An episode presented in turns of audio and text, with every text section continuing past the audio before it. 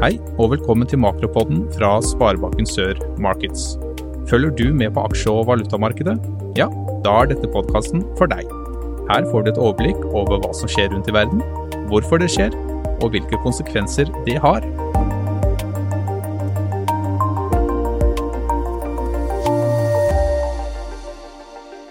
Da sier vi vel møtt til eh, denne månedens makropod. Og I dag skal vi snakke om hvordan Russlands invasjon i Ukraina fortsatt dominerer nyhets- og markedsbildet i øyeblikket. Men fortsatt så er også inflasjon et svært viktig nøkkelord framover. Vi ser litt på hvordan inflasjon og flaskehalser dominerer renteforventningene både i USA, Norge og resten av verden. Og så ser vi på hvordan den økonomiske situasjonen er, og trolig blir, framover de neste månedene, både i USA, i Russland, i Kina og her hjemme i Norge. Så ser vi litt på energikrisen som fortsetter, både når det gjelder olje, når det gjelder strøm og når det gjelder gass. Og til slutt så ser vi litt på hva vi tror om den økonomiske utviklingen i Norge framover, og hvordan renteutviklinga vil bli både her hjemme og i USA. Men eh, det er invasjonen i Ukraina som dominerer. Det er også nye smitteutfordringer, spesielt i Kina. Shanghai stenges ned, Kina kjører jo nullsmitteregimet sitt, og det gjør at det blir store utfordringer for eh, det kinesiske samfunnet. Her hjemme så føler jeg vel egentlig at pandemien er mer eller mindre over. Men rundt om i markedene så er det høy inflasjonsfrykt. Rekordhøy inflasjon mange steder. Det er knapphet på råvarer, det er flaskehalser som fortsatt gjelder, og som er blitt forsterka gjennom Russlands invasjon i Ukraina. Og ikke minst energikrisen, som fortsatt når eh, og har nådd nye topper i den siste måneden. Så er det også stort sett stengte grenser for arbeidsinnvandring, noe som gjør at, eh, at arbeidsledigheten er minimal og veldig, veldig lav. Men vi ser jo at energiprisene går til himmels, og det vil nok også føre til at eh, inflasjonen, både den som vi nå har sett, og den som kommer nå i de neste månedene, blir stadig noe høyere. Spørsmålet er jo om det vil dempe forbruket, eller om eh, sentralbankene må ty til veldig mye renteøkninger. Det er det store spørsmålet framover. Men la oss se først litt på energiprisene, og la oss se først litt på oljeprisen. I øyeblikket har vi en oljepris på ca. 110 dollar, og vi har en gasspris som eh, er godt og vel halvert fra den voldsomme toppen som vi så i ukene etter eh, invasjonen. Nå har vi en gasspris som tilsvarer ca. 260 dollar per fat olje. Også det er jo ekstremt høyt. Russland står jo for 35-40 av behovet for olje og gass i Europa, og spesielt så er det Tyskland som er stor mottaker. Og Her jobbes det nå konstant for å redusere avhengigheten av gassleveransene fra Russland. Og totalt sett for EU så tror de og håper at de kan redusere gassimporten fra Russland med to tredjedeler i løpet av dette året. Men det som dominerer markedet, er jo frykt. Og frykt for at eh, bl.a. Russland skal stenge kranene. Det er nok lite reelt og sånn, for det at da vil nok samtidig grunnlaget, det økonomiske grunnlaget for hele krigføringen det blir mer eller mindre borte vekk. Men som så ofte før, så er det et land som tjener i stor skala, og det er Norge. Vi setter stadig rekorder på våre handelsoverskudd pga. den enormt høye olje- og gassprisen. Og vi satt ny rekord for gasseksport totalt i mars med 112,4 milliarder. Tidligere så var rekorden fra eh, desember i 2021 den var på 95 milliarder. Så eh, en veldig kraftig rekordforbedring. Og Vi satte også ny rekord for råoljeeksport i mars, med over 50 milliarder, 51,6 milliarder, som var nesten 50% over toppnoteringa som vi hadde i juni 2008, med 35,8 milliarder. Det gjorde at handelsoverskuddet for Norge for mars var nesten 140 milliarder, så vi tjener penger som aldri før. Det var også rekordeksport når det gjaldt fisk, over 12 milliarder, og aluminium på nesten 6 milliarder. Men hvis vi ser på virkninga av krigen som sådan, så ser vi jo at eh, fortsatt så faller aksjemarkedene stort sett rundt om i verden. Amerikanske og europeiske aksjemarkeder har falt en mellom 10 og 15% siden krigen starta. Olje, gass, stål, aluminium stiger kraftig i eh, verdi og i pris. Russland står for jo 20% av verdens stål- og aluminiumseksport. Matvarepriser stiger kraftig. Russland står jo for 30% av hveteeksporten. Ukraina er verdens kornlager. Og det er klart, også fattige land i Afrika merker dette, og merker krigen i Ukraina helt nå på kroppen. Hvis vi ser eh, til USA og ser litt sånn på den økonomiske sida, så ser vi at det, det, er sterk økonomi, men det er fortsatt en relativt slapp pengepolitikk, men den begynner å bli strammere etter hvert. Det skapes stadig nye arbeidsplasser, ledigheten er under 4% Siste måned så, var, så vi tretallet 3,9% og veldig stramt arbeidsmarked, stor etterspørsel etter kvalifisert arbeidskraft. Og Vi tror at ledigheten kan komme til å falle videre i månedene framover, og det gjør jo også at risikoen øker for økt lønnsvekst, og vi ser tendenser til at lønnsveksten tar seg ganske kraftig opp. Og Så har vi noen eh, inflasjonstall som vi ikke har sett på svært lenge. Inflasjonen i mars 22 var på 8,5% og kjerneinflasjonen, altså justert for, for avgifter og sånn, ligger på 6,5 og Det har jo da ført til at vi har fått en dramatisk endring i renteforventningene de siste tre-fire månedene. Nå er det prisa inn i markedet sannsynlighet for minst syv renteøkninger i 2022, og trolig så blir det også renteendringer, ikke bare på 0,25% på de enkelte møtene, men kanskje sågar på en halv prosent.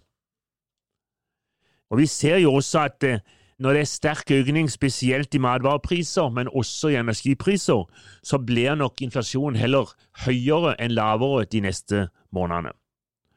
Nå er vi på 0,50 i rente fra sentralbanken, dvs. Si det ligger i et sånt spenn mellom 0,25 til 0,50. Det er sånn eh, den amerikanske sentralbanken setter sin rente. Så tror vi at det kommer 25 eh, punkter, altså 0,25% Kanskje kommer der faktisk 0,50 nå i april, mai og juni, og deretter på annethvert møte i ut 2022. Så er jo egentlig spørsmålet om krigen og eh, den sterke økningen i energipriser, den sterke økningen i matvarepriser, om det allerede vil redusere forbruket, og at veksten kan avta kjappere, sånn at eh, Fed etter hvert må bli mer forsiktig med altfor mange renteøkninger. Men eh, mange av aktørene tror det kommer mange. Mange tror det kommer eh, kanskje ti renteøkninger på løpende bånd, sånn at vi kommer til å komme langt opp på tritallet når det gjelder eh, amerikanske renter fra sentralbanken. Hvis vi ser den økonomiske utviklingen i Russland, så har jo eh, krigen og sanksjonene der mer eller mindre ødelagt russisk økonomi. Russisk statsgjeld er nedgradert til trippel C, med andre ord søppel. Eh, Ruben sikra seg jo veldig mye rett etter invasjonen i Ukraina, og så har man da innhenta en del etter hvert. Det som er spennende nå, er jo om eh, man får betalt sine, sin utenlandsgjeld i dollar, eller om man prøver å betale det i rubler, eh, noe som kan føre til at Russland egentlig teknisk sett blir betrakta som konkurs. Så er det en fall i verdiskapninga som kan komme til å bli relativt heavy, det snakkes om eh, fall i verdiskapning faktisk opp mot 25% Inflasjonen vil nok øke videre, vi har sett den allerede over 10% og vi skal vel ikke utelukke at det kan bli både 20 og 30% i løpet av de neste månedene eller det neste året. Renten ble justert ned fra 20 til 17% men fortsatt så frykter man for eh, klar svekkelse av rubelen og høyere renter. Vi nå er rundt 20. Eh, april, eh, så ser vi jo nå det andre såkalte invasjonsforsøket fra Russland. Og så eh, spørs det jo hvordan det lyktes, og hvor desperat Putin blir. Og det store, store frykten for markedet generelt, og for ikke minst Europa, er jo vil han gjøre bruk av atomvåpen. Så er nok, Hvis vi ser til Kina, så er nok Kina en av nøklene som kan kanskje stagge Russland fra videre invasjon. De har en nøkkelrolle for å prøve å få slutt på Ukraina-invasjonen, fortsatt så har de vært veldig avventende, og det har jo gjort at man fortsatt ser at Russland turer fram. Men de står jo nær Russland, men økonomisk så er Vesten mye, mye viktigere enn Russland for Kina. Vi ser at det er fortsatt store utfordringer når det gjelder kredittsituasjonen i Kina betydelig tapspotensial i mange bransjer. Eh, ikke minst eiendomsbransjen sliter veldig. Eh, store eiendomsgiganter er nær konkurs, og eh, likviditetssituasjonen hos mange aktører er veldig pressa. Så har vi jo det forholdet at når det gjelder Kina, så tilfører staten markedet betydelig likviditet, og det har de nå gjort de siste månedene òg for å hindre finanskrise. Ser ut som de klarer å hindre en finanskrise. Men det som blir spennende også nå, er jo hvordan denne nullsmittebiten vil slå ut også på veksten i Kina. Eh, det at man stenger ned store byer i uh, kanskje flere uker, hvordan vil det uh, ha innvirkning på hvordan veksten vil være? Hvis vi vender blikket hjemover og ser på Norge, så er det jo når det gjelder økonomisk sett, mye fryd og gammen. Arbeidsledigheten beveger seg videre nedover. Vi er på et veldig stramt nivå. Vi er nede på 1,9% og det er særdeles eh, stramt arbeidsmarked. Det betyr at det er stor etterspørsel etter eh, kvalifisert arbeidskraft, og det betyr også at det er kraftig press på lønnsøkninger som kan komme til oss å eh, inntreffe. Vi ser at vi har inflasjonen på eh, rekordnivåer. Total eh, inflasjon for mars var oppe på 4,5% Kårinflasjonen var heldigvis nede på 2,1 Det er jo den eh, Norges Bank skal styre etter. Men vi ser at det er rekordpriser på strøm fortsatt, og mye av det er effekter av Russlands invasjon i Ukraina. Og vi venter også å se rekordpriser på strøm utover sommeren. Lite snø i fjellet som gjør at det er lite vann i magasinene.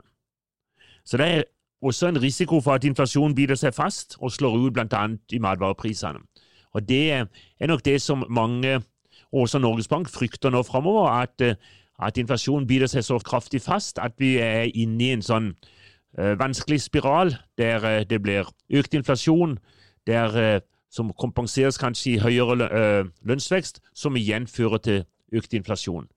Eh, og så må man da prøve å komme med renteøkninger for å, å dempe hele greiene. Nå eh, har det vært tre renteøkninger hittil i 2021, siden man da startet i, i 2020. Eh, Norges Bank-renten er nå 0,75 Så er det, venter man da at det kommer ytterligere tre nå i 2022, sånn at man er oppe på halvannen prosent.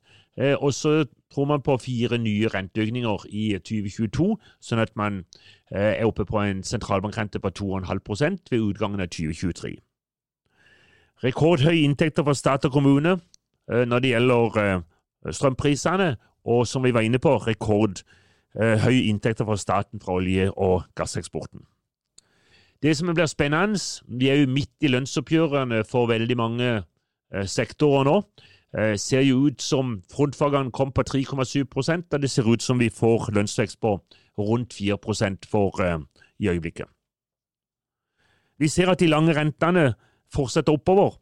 Både fem og ti års sikring er nå over 3% De flytende rentene, tre måneders Nibor, pengemarkedsrenten, har roa seg noe, som skyldes bedre likviditet nå de siste uka og 14 dagene, og tre måneders Nibor ligger nå på 1,22. Men vi forventer kraftige renteøkninger i USA for å prøve å ta knekken på inflasjonen. Og her hjemme så forventer vi som sagt at eh, Norges Bank vil eh, opp på 2,5% i slutten av 2023. Og så spørs det liksom hva skjer da? Kommer det ytterligere en renteøkning eller to i 2024, eller har vi da sett toppen? Mye vil avhenge av stramheten i arbeidsmarkedet, av inflasjonsutviklinga, av lønnsveksten og hvordan forbruket vil eh, teste og reagere på eh, stadige renteøkninger. Så er selvfølgelig også mye avhengig av hva som skjer med hensyn til Russlands invasjon i Ukraina. Og så blir finanspolitikken også veldig sentral i de neste månedene. Og Det gjelder ikke minst eh, Europa. Der eh, husholdningene smertelig får erfare de høye olje- og gassprisene, kombinert med høyere matvarepriser. Viktig er at regjeringene bidrar med økonomiske støttepakker. Noen av landene har allerede kommet med støttepakker, og andre vurderer det. Men jeg tror nok at det vil ta lengre tid før Europa er i stand til å møte økt inflasjon med høye renter. Det går nok i hvert fall til slutten av året, og kanskje også godt inn i 2023, før den første renteøkningen kommer her. Men så kan jo, som vi var inne på, høyere matvare- og energipriser i seg selv dempe forbruket. I Norge, hvis vi ser på de økonomiske forventningene framover, eh, så tror vi fortsatt på et veldig stramt arbeidsmarked. Og vi eh, er også veldig spent på lønnsoppgjøret. Nå kommer snart eh, oppgjøret i stat og kommune. Og får man der en lønnsvekst som da er godt over 4% for å kompensere på to dårlige år under pandemien. Og så skal vi nok også ha det aspektet inne at som følge av invasjonen i Ukraina, så kan eh, inntjeningen i næringslivet bli lavere, både pga. flaskehalser og pga. høyere priser. Så man kanskje ikke klarer å velte fullt ut over på forbrukerne. Så eh, staten kan også bli tvunget til å etablere større og flere støttepakker, også for å kompensere for eh, problemer i næringslivet som følge av invasjonen. Og eh, inflasjonen vil trolig komme godt opp på eh, totall når det gjelder kårinflasjonen. Og vi tror som sagt at Norges Bank vil følge sin plan om masse rentehevinger framover. Når det gjelder kjøpekraften, så er det det som først og fremst vil avgjøre eh, folks kjøpekraft, det er hvor høy renten vil bli. Da eh, var vi gjennom omtrent det som vi tenkte vi skulle si når det gjaldt eh, makropodden i dag. I dag har vi snakket om at eh, det er Russlands invasjon i Ukraina som fortsatt dominerer markedsbildet nå rundt 20. april. Men i tillegg så er det inflasjon som er et svært viktig nøkkelår framover. Vi var inne på og så litt på hvordan inflasjon og flaskehalser er det som dominerer renteforventningene både i USA, Norge og resten av verden. Vi så på hvordan den økonomiske situasjonen er, og trolig blir framover de neste månedene, både i USA, Russland, Kina og her hjemme i Norge. Så så vi på energikrisen som fortsetter for fullt også nå i april, både når det gjelder olje, når det gjelder strøm og når det gjelder gass. Og til slutt så så vi på hva vi tror om den økonomiske utviklingen i Norge framover, og hvordan renteutviklinga vil bli, både her hjemme og i USA. Da sier vi takk for eh, i dag, og håper at dere hører på neste makropod som kommer rundt 20. Eh, mai. Takk for oss.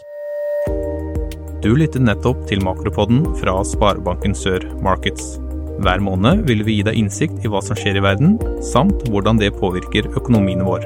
Flere episoder finner du på sol.no slash makro.